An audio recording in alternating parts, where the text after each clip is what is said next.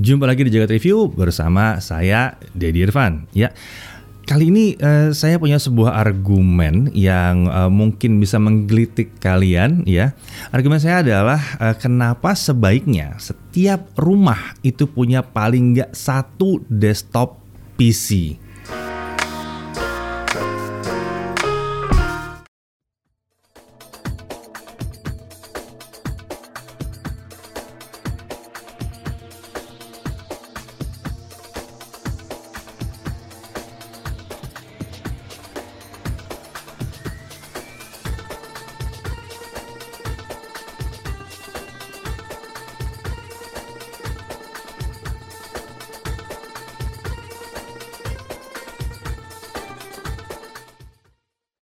Jumpa lagi di dalam podcast kita yang kali ini dan uh, kita kali ini akan bahas mengenai ya desktop PC ya. Dan kenapa sebaiknya kalian dalam satu rumah tuh punya satu desktop PC paling nggak satu desktop PC nggak nggak. Saya nggak bilang bahwa kalian wajib beli PC desktop nggak ya atau mengatakan bahwa yang nggak punya PC desktop tuh cupu gitu nggak nggak bebas bebas aja sebetulnya bebas aja jadi kita membahas aja ini kenapa uh, saya punya argumen seperti ini sebetulnya tapi pembahasan kali ini uh, memang uh, mengenai PC desktop dan mengapa uh, memiliki PC desktop di rumah tuh sebetulnya penting ya. Jadi ya yang santai kita bahasnya ya.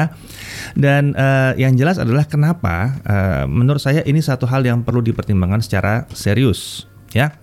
Oke, pasti ada yang bertanya-tanya, buat apa gitu? Buat apa? Uh, pakai laptop kan bisa ya. Uh, atau bahkan ada, ada bilang uh, pakai handphone aja dong. Ini zamannya mobile gitu. Pakai smartphone tuh udah bisa gitu kan. Uh, sebentar, saya bukan orang yang nggak bisa kayak begitu. Uh, kemarin untuk liputan-liputan ke luar negeri pun bahkan beberapa kali saya hanya pakai smartphone doang. Rekam video pakai smartphone, edit di smartphone, upload dari smartphone, ngetik artikelnya di smartphone, semua pakai smartphone. Ya, saya bisa. Tapi tetap saya punya argumen yang sama seperti yang saya coba tawarkan kalian yang supaya dipertimbangkan ya mungkin gitu ya.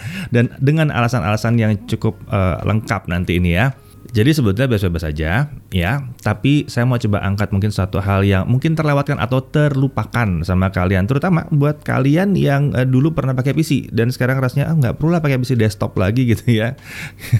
Kenapa saya bilang terlupakan? Karena ya saya saja nyaris lupa Ya, di kondisi sekarang ini di mana uh, dalam pada saat podcast yang dibuat uh, saya lagi banyak di rumah, kita semua se Indonesia juga sebaiknya pada saat ini emang di rumah aja gitu ya. Itu saya teringat pada kondisi-kondisi sebelumnya beberapa tahun terakhir di mana secara intermittent uh, sekali dua kali dalam seminggu atau dalam sebulan itu muncul dalam benak saya itu seandainya saya punya PC desktop di rumah tapi lalu hilang perasaan itu gitu. Sekarang pada saat di rumah beneran terasa banget sih sebetulnya gitu ya, terasa banget. Iya ya, di rumah saya ada ada PC desktop memang ada, tapi yang memang yang dipakai untuk shared itu kan saya bahas juga nanti mengenai uh, shared PC desktop. Jadi PC desktop yang di yang dipakai penggunanya berbagi gitu ya. Uh, untuk sebuah keluarga kecil itu emang akan sangat berguna sekali. Da, tapi yang saya pikirkan sekarang kenapa saya rasanya bahkan saya sendiri butuh satu satu biji paling nggak buat saya sendiri gitu ya. Nah ini kita bahas kenapa sih muncul rasa seperti ini gitu ya. Nah uh, sebelum kalian komplain saya bahas dulu dari awal kelemahannya PC desktop ya saya tahu kalian akan cari kelemahannya. Mm -mm. Satu, tidak mobile, tidak bisa dibawa-bawa. Tentunya ya, siapa juga yang mau gotong-gotong PC desktop ya, jalan-jalan bawa-bawa. Walaupun sebetulnya ada beberapa tipe PC desktop yang bisa, tapi tetap aja eh, nggak uh, bisa nggak bisa tanpa eh, nggak uh, bisa pakai baterai gitu jadinya ya. Tetap tetap harus uh, nyolok ke listrik, harus ada tempatnya, tetap mbak dan tetap ada monitornya. Jadi tidak sesederhana pakai sebuah laptop atau bawa smartphone atau bawa tablet. Nggak, nggak gitu. Kedua, uh, PC desktop akan makan tempat. Pasti. Uh, paling nggak meja kecil ya. Uh, satu meja kecil lah gitu ya. Kemudian uh, dalam kondisi tertentu, dalam uh, spesifikasi tertentu, PC desktop bisa makan listrik lebih besar daripada laptop. Dan jelas akan makan listrik lebih besar daripada smartphone. Itu jelas gitu ya. Nah kemudian, uh, tapi kalau sebenarnya kalau masalah listrik tadi itu sebetulnya nggak nggak segede gitu sih sebenarnya ya kan udah zaman sekarang. Oke, kemudian uh, untuk versi yang paling menarik dari PC desktop itu adalah versi rakitan atau DIY. Kalau yang pernah nulis PC DIY eh, bukan daerah istimewa Yogyakarta, bukan, bukan beda-beda. Tapi yang DIY, DIY, do it yourself PC ya ini yang paling fleksibel dan yang sebetulnya yang uh, paling menarik dari uh, dari pilihan PC desktop gitu ya. Tapi masalahnya banyak orang yang uh, bermasalah dengan uh, apa yang harus saya pakai di dalam sini, bagaimana cara masangnya, bagaimana cara milihnya, pilihnya yang mana, ya kombinasi seperti apa. Nah itu yang membuat kita juga uh, sering sekali uh, apa ya rame banget di grup-grup pembahasan kita ya ya memang memang itu kesulitannya tinggi sekali untuk membangun sebuah PC desktop untuk zaman sekarang. Kenapa? Karena banyak orang yang tidak merasa bahwa itu penting. Mungkin ada orang tuanya juga udah lama nggak ngikutin, jadi anaknya juga nggak ngerti-ngerti amat gitu ya. Tidak menyalahkan di sini, hanya menunjukkan bahwa memang uh, merakit PC desktop sekarang sudah mungkin tidak semudah zaman dulu lagi buat anak anak-anak zaman sekarang, buat orang-orang zaman sekarang. Nggak semudah dulu karena harus belajar banget gitu ya. Lalu secara umum untuk kelebihannya saya bisa bilang sebuah PC desktop itu lebih murah. Nanti saya jelasin nama murah, lebih kencang. Saya jelasin juga uh, bisa diandalkan sarana komputasi terbaik di rumah uh, dan ini adalah investasi jangka panjang terbaik. Ya. Nah, ini yang nanti kita akan bahas. Oke, kita mulai dulu dari awal. Uh, yang pertama, PC desktop itu akan memaksakan ergonomi terbaik ergonomi ya kenyamanan pakai gitu ya. Uh, ergonomi yang jelek itu yang akan bikin carpal syndrome di tangan gitu ya. Mata nggak enak punggung sakit pinggang sakit. Nah itu kalau ergonominya jelek biasanya kalau pakai laptop itu nanti mungkin uh, karena nggak ada dedicated space jadinya nanti malah uh, di uh, meja kecil atau mungkin uh, di meja ruang tamu sambil uh, duduk di lantai gitu atau duduk terus sambil di pangku atau bahkan di tempat tidur ya. Yang di awal rasanya benar tapi coba deh kerja berjam-jam begitu. Saya yakin beberapa akan meyakini bahwa akan sadar bahwa itu itu nggak enak ya kemudian handphone juga sama gitu ya dengan layar yang kecil gitu jadi semua PC desktop akan memaksakan ergonomi yang terbaik jadi desktop akan maksa kalian pakai uh, keyboard ukuran besar mouse yang proper ya tergantung ukuran tangan gitu ya. Monitor besar, biasanya monitor minimum 18,5 inci sampai 20 inci. Saya akan prefer yang 20 inci atau 19,5 inci rata-rata ya. Sementara monitor laptop ya laptop gaming aja itu sekitar 15,6 inci yang gede. Ya ada yang 17 tapi jarang. Banyak kan di 15,6 sampai 17. Katakanlah 17, tetap aja masih kalah besar sama eh, uh, 20 inci. Ya, 1 inci 2,5 cm kurang lebih ya. Jadi lumayan jauh selisihnya memang. Jadi layar aja udah lebih enak. Workspace otomatis jadi lebih besar karena layar lebih besar ya bisa bisa pakai yang lebih gede lagi mau pakai 27 mau pakai 23 32 itu ada pilihannya semua dan harganya juga ya tergantung uh, spesifikasi itu masih cukup terjangkau. Kemudian desktop itu memaksakan keberadaan uh, meja dan kursi yang layak ya. Tadi balik lagi ke ergonomi gitu. Membuat aktivitas jadi lebih nyaman balik lagi ergonomi ya. Uh, bekerja bisa lebih lama tanpa pegal dan sakit-sakit. Nah ini ini yang penting banget sih tentunya tergantung kalian pilih uh, kursinya juga beres atau enggak gitu ya. Kalau kursinya nggak enak juga ya masalah ya. Tapi paling enggak ini akan lebih nyaman lebih baik ke badan uh, pada saat kalian pakai desktop gitu ya pasti kalian akan bicara soal space tapi nanti kita bahas soal space di, di belakangan ya oke kemudian yang kedua yang pasti banyak pengguna desktop sudah sadar banget adalah potensi performa terbaik yes PC desktop itu punya potensi performa yang terbaik yang bisa kalian dapatkan ya.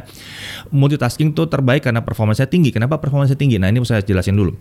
Prosesor yang spesifik untuk desktop, untuk desktop CPU, untuk desktop uh, PC itu punya izin untuk ngambil daya lebih besar pada saat dibutuhkan. Kata kuncinya adalah pada saat dibutuhkan. Kalau saat cuma browsing doang dia bisa ngambil daya sama dengan laptop.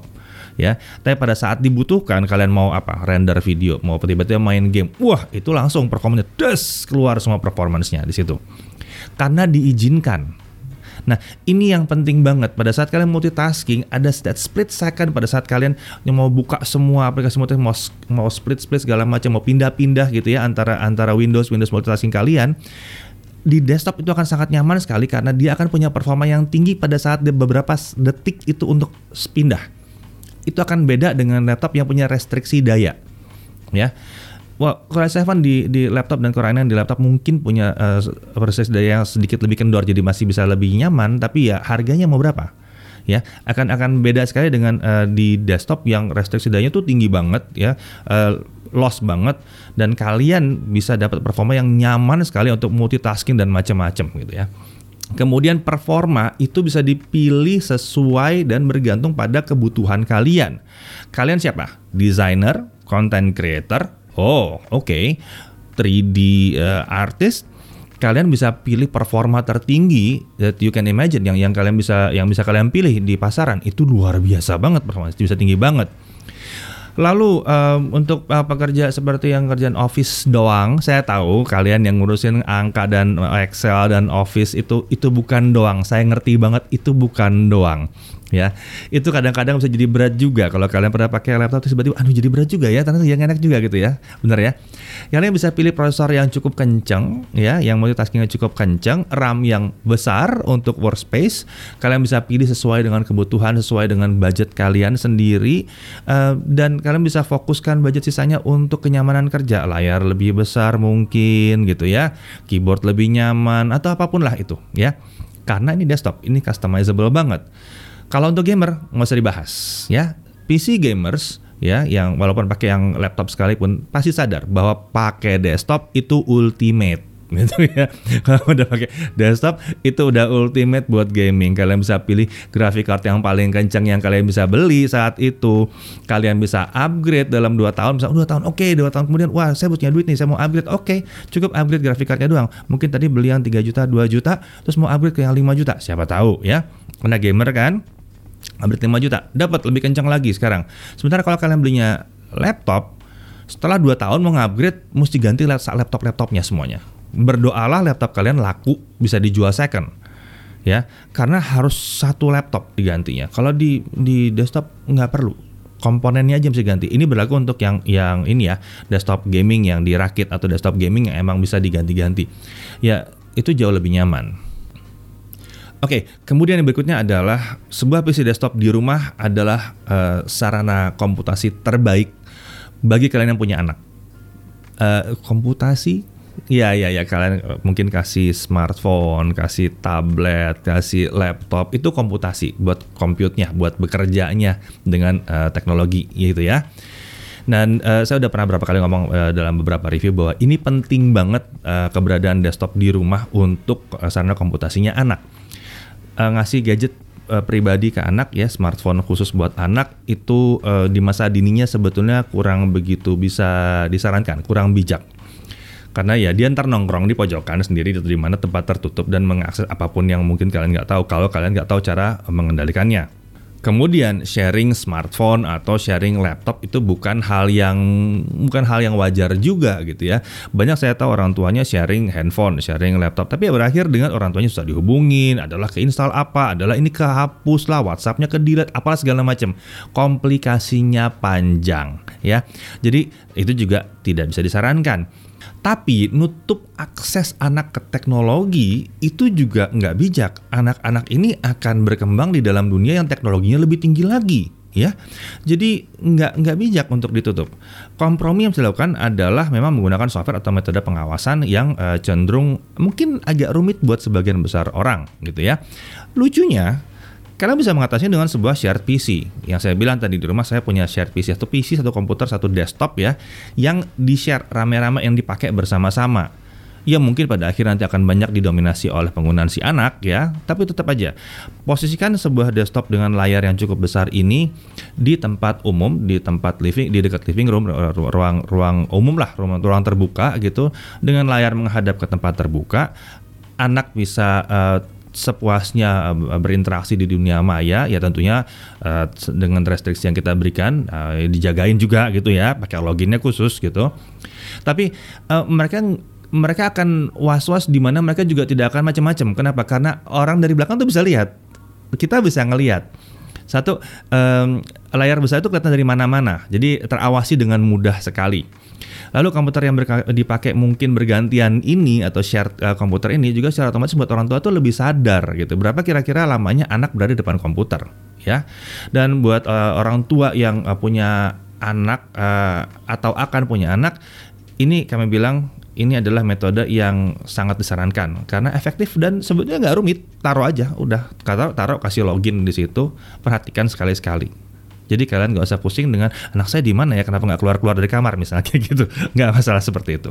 Nah, multifungsi ini juga menarik sekali bahwa uh, dengan rancangan yang baik sebuah PC desktop di rumah itu adalah mesin komputasi yang sangat bisa diandalkan untuk multi kebutuhan gitu ya.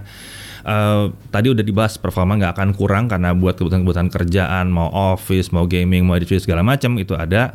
Dia bisa jadi tempat backup juga. Ya memang ada NAS kalian bisa setup NAS pakai wireless apa segala macam tapi yang paling sederhana adalah the shared PC ini PC yang di sharing ini yang dipakai juga buat nyimpen data. Caranya gimana ya gampang. Uh, sebuah PC yang baik dan benar yang punya slot uh, hard disk banyak itu atau SSD banyak bisa tinggal tambah tambahin aja terus gitu ya sama kayak NAS tambahin aja di situ gitu. Uh, rakitan seperti yang ada di belakang saya seperti ini itu bisa menampung minimum 4 sampai 8 hard disk di luar yang sedang dipakai. Sekarang SSD yang sedang dipakai saya bisa nambah lagi 4 sampai 8 hard disk di dalam belum di luar. Saya belum hitung yang di luar. Jadi ekspansinya itu masif banget. Bisa macam-macam banget gitu ya. Kalian bisa melakukan backup uh, data ya. Ada yang pakai handphone terus mau nge-backup datanya uh, rasanya sudah habis gitu ya kepenuhan uh, smartphone 256 GB misalnya udah tinggal 10 GB lagi. Waduh, kadang-kadang suka masalah. Tunggu 3 GB lagi ya. Tinggal tinggal dikit lagi. Aduh, tiba-tiba mau bikin video putus gitu misalnya gitu ya. Nah, backup ke ke PC desktop di rumah. Jadi kayak pulang ke rumah langsung oke okay, saya backup nih per dua bulan tiga bulan ada kerjaan backup gitu. Jadi pada saat melakukan backup juga itu sudah ada satu device yang ready di situ yang siap di situ untuk membantu kalian melakukan uh, backup itu untuk backup. Ada juga yang menggunakan ini buat sentral juga. Jadi pada saat login masuk ke login orang tua, dia bisa ngelihat CCTV. Jadi sekalian lihat dari situ juga. Satu alat kontrol untuk semuanya di rumah. Ini ini sangat menarik sekali bahkan punya satu device untuk di rumah. Untuk rumah yang kecil ini akan sangat menarik sekali karena semua terkumpul jadi satu di dalam satu device. Ini jadi satu perangkat tersendiri yang mengendalikan semuanya. Lalu laptop nggak penting dong? Hmm, no, no, no, no. Laptop penting banget ya buat kalian yang mobilitasnya tinggi. Laptop tuh pilihan terbaik ya. Saya nggak nutup kemungkinan bahwa akan ada kondisi di mana seseorang itu akan lebih punya satu laptop aja ya. Kos-kosan ya kalian ngekos nggak punya ruang gede satu laptop aja gitu. Uh, lagi kuliah juga gitu ya, budget terbatas. Oke, okay, kalian butuh alat compute tapi kalian akan ada di di kos-kosan mungkin 30% di luar 70%. Kalian butuh sesuatu yang mobile sekali, ya kalian bawa sebuah laptop. Ini saya bilang di rumah dengan keluarga gitu ya, akan lebih baik kalau punya desktop. Tapi tetap dalam kondisi ini kalau budgetnya ada sebuah desktop di rumah kan jauh lebih nyaman lagi gitu ya atau di kamar kan jauh lebih nyaman lagi gitu ya hal yang menarik kalau bicara soal laptop banyak yang nanya ke saya e, bagaimana e, saya butuh laptop seperti apa ya kira-kira ya untuk kebutuhan saya apakah saya butuh satu laptop yang murah aja 15 18 juta 10 juta gitu ya Uh, atau punya budget sampai saya punya budget 20 juta. Saya butuh laptop yang mana? Mendingan ya gaming aja atau yang tipis aja gitu. Mereka bingung setiap kali saya kasih saran untuk mereka yang punya budget lumayan ya, saya, saya kasih saran, hey, kenapa kalian nggak mikir punya satu desktop yang kenceng, yang umurnya panjang gitu, karena bisa di upgrade upgrade terus, uh, dan satu laptop untuk mobile yang proper lah. 8 juta sampai 10 juta udah proper untuk mobile tapi emang bukan buat ya buat gaming pun ada yang bisa segitu ya. Tapi mungkin 7 8 juta udah ada. Bahkan kemarin kita ngetes ada yang yang Core i3 Core i3 pakai MX sekian tuh uh, 6 7 juta sih udah oke okay banget gitu ya. Lalu sisa budgetnya adalah bangun desktop. Wah oke okay, mungkin totalnya terhabis sekitar 13 juta untuk desktop 15 juta jadi sekitar totalnya 20 juta. Ya tapi kalian tidak terkunci dengan satu device doang di 20 juta. Paling nggak di sini device laptopnya itu bisa dipakai ke mana-mana, mobilitasnya tinggi, desktopnya jadi investasi yang bertahan terus karena panjang umurnya si desktop ini, panjang banget. Di upgrade-nya gampang, ekspansinya gampang. Si laptop mau punya SSD cuma 128 juga backupnya gampang gitu kan karena ada backup uh, backup device mau gaming di rumah ada game gitu kalian mau gaming di jalan ya kalau kalian bener-bener butuh banget gaming di jalan ya udah pakai laptop gaming. Tapi kalau enggak, enggak butuh-butuh amat, banyak laptop yang masih bisa gaming di jalan untuk gaming ringan doang sih. Sementara nanti datang ke rumah, kalian bisa merasakan gaming yang seriusnya. Nah, saya ngerti ada banyak yang pakai uh, mengandalkan laptop ditaruh di rumah atas meja, terus colokin ke semua konektor-konektor gitu ya. Lalu diberlakukan seperti sebuah desktop sebenarnya ya. Ada keyboard, mouse, uh, speaker dipasang situ. Katanya irit dan kencang. Eh, entar, entar dulu, entar dulu. Kalau irit sih pasti, kencang nanti dulu. Pikirkan dulu bahwa uh, laptop ini rancangannya memang beda sama desktop satu. Kemudian pada saat kalian colok-colok semua kayak begitu, nyaman ya di rumah, terus diem gitu, nyaman, pasang monitor gede, nyaman. Terus kalian mau jalan, laptopnya dibawa nggak? Laptopnya dibawa kan? Cabut-cabut semua tuh, cabut, cabut semua satu-satu bawa jalan gitu. Nanti pulang lagi colok-colok, colok-colok, colok. Kira-kira konektor kalian dolnya kapan ya? USB USB kalian itu kira-kira gimana ya? Uh, kenapa desktop akan menyelamatkan si laptop ini. Laptop ini bisa dipakai uh, untuk pekerjaan yang serius banget di lapangan, di jalanan, di, di traveling mungkin. Sementara desktopnya yang di di rumah tidak ada laptop yang dicolok pasang colok pasang colok pasang colok pasang terlalu eksesif karena keluar masuk rumah gitu ya. Nggak jadi kayak begitu. Jadi kalian punya dua device yang dua-duanya awet gitu. Lebih nyaman bukan? Akan yang bilang juga, waduh kalau desktop kegedean bro gitu ya. Tadi kan dibilang space gitu. Memang salah satu poin saya di awal itu kan adalah kenyamanan dan ergonomi. Jadi uh, ruang akan jadi penting. Uh, saat mindset ini adalah dan ini penting ya, ini ya kita mindset pertama adalah menyediakan tempatnya. Saya jamin itu bisa diadain. Ya kan manusia itu sebenarnya tergantung dia mau apa enggak, gitu ya.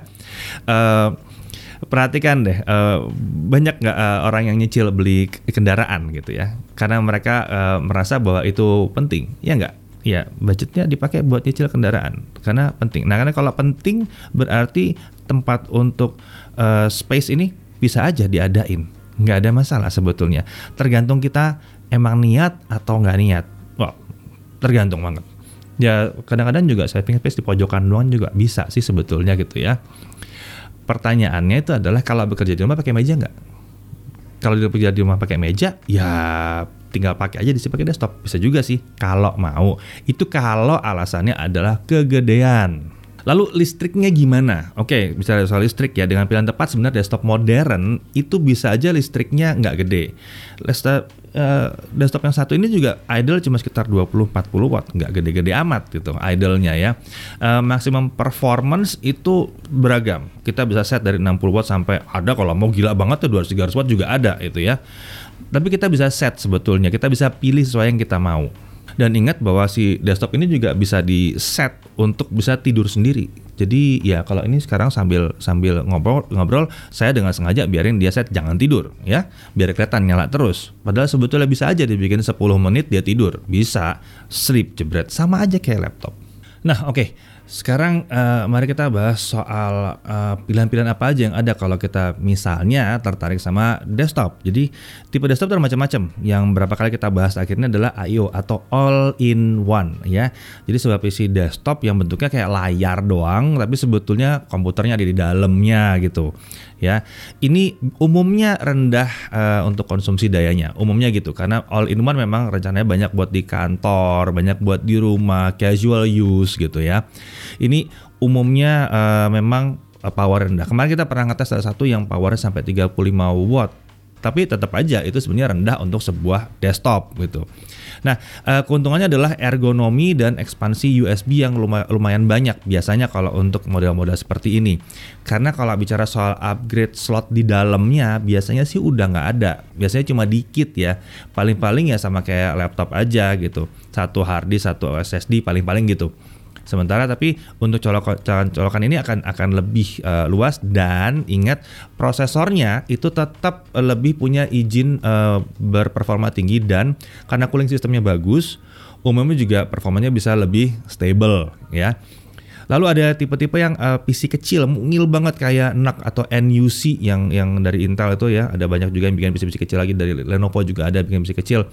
Ekspansinya banyak, bisa multi monitor, irit, uh, ringan bisa dibawa-bawa. Ada versi gamingnya juga. Walaupun ini lebih mirip kayak sebenarnya lebih mirip kayak uh, laptop sih, tapi dibikin tanpa tanpa monitor. Cuma menariknya di sini adalah dia stasioner. Jadi kalau memang mau dipakai buat di rumah, dia lebih enak. Kalau uh, kalau laptop di rumah nanti harus ada docknya lagi segala macam. Kalau dia tuh bisa disembunyiin di belakang uh, monitor. Jadinya seperti I/O juga ujung-ujungnya, tapi kita bisa customize uh, sendiri isinya mau seperti apa. Tentunya prosesor saya tetap udah ngunci ya. Kelebihannya dia lagi-lagi ukuran yang uh, ringkas, uh, port segala macam itu juga uh, ada di situ dan powernya rendah. Nah, kalau personal preference gua, pilihan pilihan pribadi gua itu adalah desktop klasik. Kayak di belakang gua itu desktop klasik. Ada macam-macam, ada yang branded, ada yang non branded gitu ya. Kalau branded berarti udah udah ada bentuknya gitu ya.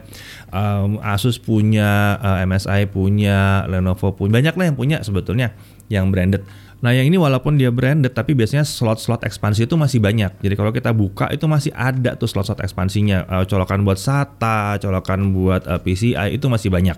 Kemudian juga USB-nya umumnya juga banyak gitu. Tapi memang pada saat kita beli kita nggak bisa pilih sendiri maunya apa gitu nggak nggak terlalu gampang di custom sesuai dengan yang kita mau pada saat kita membeli di awalnya. Cuman ya pilihannya gampang ya beli ini selesai. Gitu. Nggak usah pusing-pusing aja gitu jauh cobain ini nih oke beres oke selesai. Terus uh, mau uh, apa namanya mau ada perbaikan segala macam itu juga gampang banget. Tinggal ke situ aja udah beres gitu ya. Jadi perbaikannya satu pintu ya nggak usah uh, mikir-mikir komponen ke mana-kemana. Nah, buat yang sedikit lebih advance, ya itu adalah uh, desktop model uh, DIY atau rakitan yang mesti beli komponen itu satu terus dirakit. Ini adalah contoh desktop DIY atau do it yourself PC rakitan gitu ya. Jangan salah rakitan bukan berarti tidak bagus, bahkan banyak komponen rakitan yang jauh lebih bagus ya e, karena dirancang memang karena persaingannya udah terlalu ketat di dalam komponen rakitan. Sampai kalian tuh sudah bisa nemu e, komponen-komponen rakitan yang luar biasa e, kelasnya tinggi banget ya. Dari yang murah sampai yang tinggi banget tuh ada di situ. Lalu dalam merakit juga bisa ada macam-macam gaya. Mau ada casing yang biasa ketutup mau ada casing kebuka seperti ini mau yang bisa disembunyikan kabelnya biar bisa enak dilihat mau yang silent case yang nggak ada bunyinya sama sekali karena kalian mungkin nggak suka sama kebisingan itu ada pilihannya. Ada macam-macam banget. Tapi yang paling menarik buat saya adalah kemampuan upgrade dari PC tipe ini. Pertama-tama kita bisa pilih komponen sesuai dengan budget kita. Budgetnya rendah ya pilih komponen seperti ini dulu aja. Asal pastikan bahwa upgrade pasnya ada.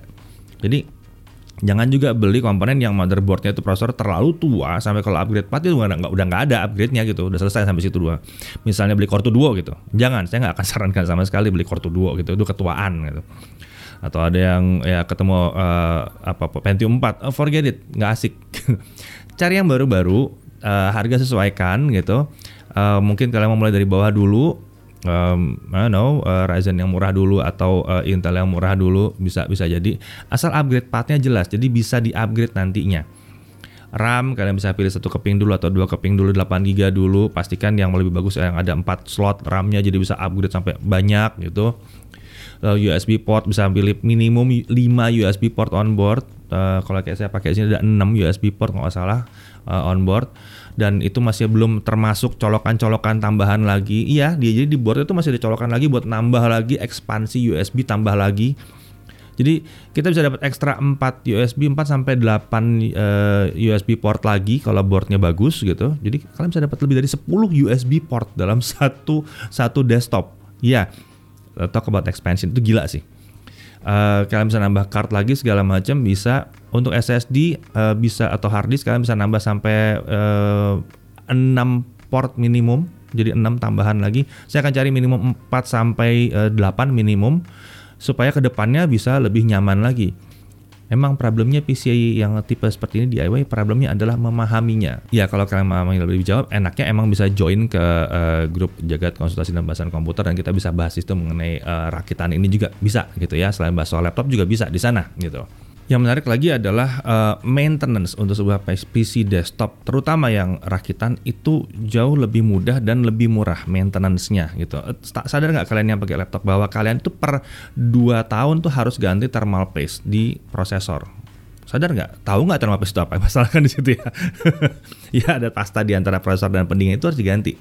Terus prosesor itu juga apa coolernya tuh harus dibersihin, terus-terusan dibersihin karena harus bongkar itu proses bongkarnya aja nih beresiko kalau di laptop. Sementara kalau di desktop proses bongkarnya itu buka samping, tiup, jos, selesai gitu.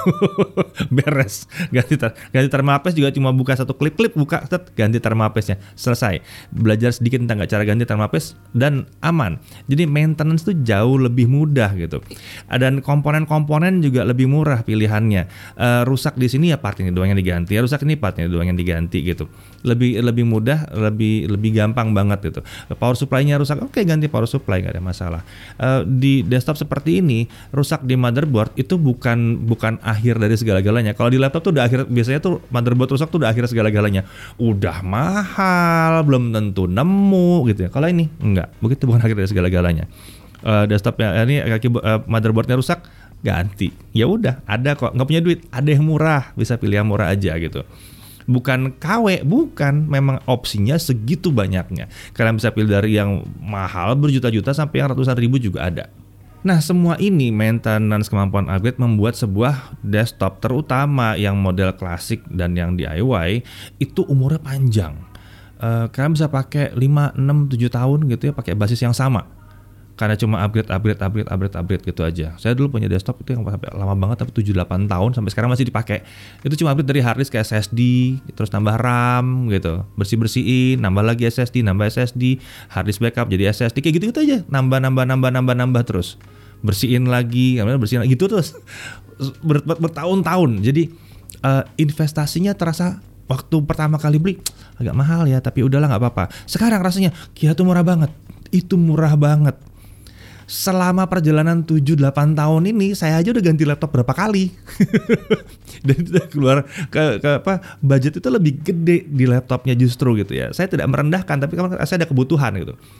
Tapi sekarang laptop jadi lebih irit kenapa? Karena ya desktop ada di rumah gitu. Jadi nggak nggak nggak terlalu pusing juga gitu udah bahwa waduh laptop saya kotor sekali. Ya nggak juga orang makainya juga secukupnya gitu kan dan dengan sebuah sarana yang stasioner di sini yang memenuhi segala kebutuhan dasar komputasi di rumah jadi nggak ada tuh kebingungan mau backup HP di mana, laptop gua kepenuhan uh, filenya gimana gitu, uh, charger gua hilang entah nyelip di mana gimana, nggak ada. Laptop gua keselip atau handphone gua nggak punya ini nggak punya tuh nggak ada nggak ada urusan sama kayak gitu, atau tiba-tiba butuh wah anak saya butuh ngedit video ada software gratis, wah anak saya mau jadi podcaster misalnya gitu ya, ada software gratis wah anak saya mau mau ngedit foto ngedit. ada software gratis di uh, Windows dan pakai di di desktop. Dan performance bisa tiba-tiba di up. Kalau di laptop tadinya tiba-tiba oh pasang di sini pasang-pasang. Terus kurang performancenya. Mau di up ganti laptop. Ini mau di up gampang. Ganti processor bisa. Nambah GPU bisa. Nambah RAM gampang gitu loh. Jadi fleksibilitas dan uh, kemampuan dia untuk diandalkan itu yang penting sekali. Dan ini mengalahkan kelemahan dia di mobilitas gitu ya. Ya, pada akhirnya uh, kami hanya bukan wacana, bukan untuk mengatakan bahwa ada satu perangkat yang lebih penting dari yang lain karena semua perangkat ada fungsi, ada kegunaannya masing-masing gitu ya. Tapi di sini kita cuma mau ngingetin bahwa mungkin ada satu perangkat yang terlupakan saya Didi Irfan, jaga diri.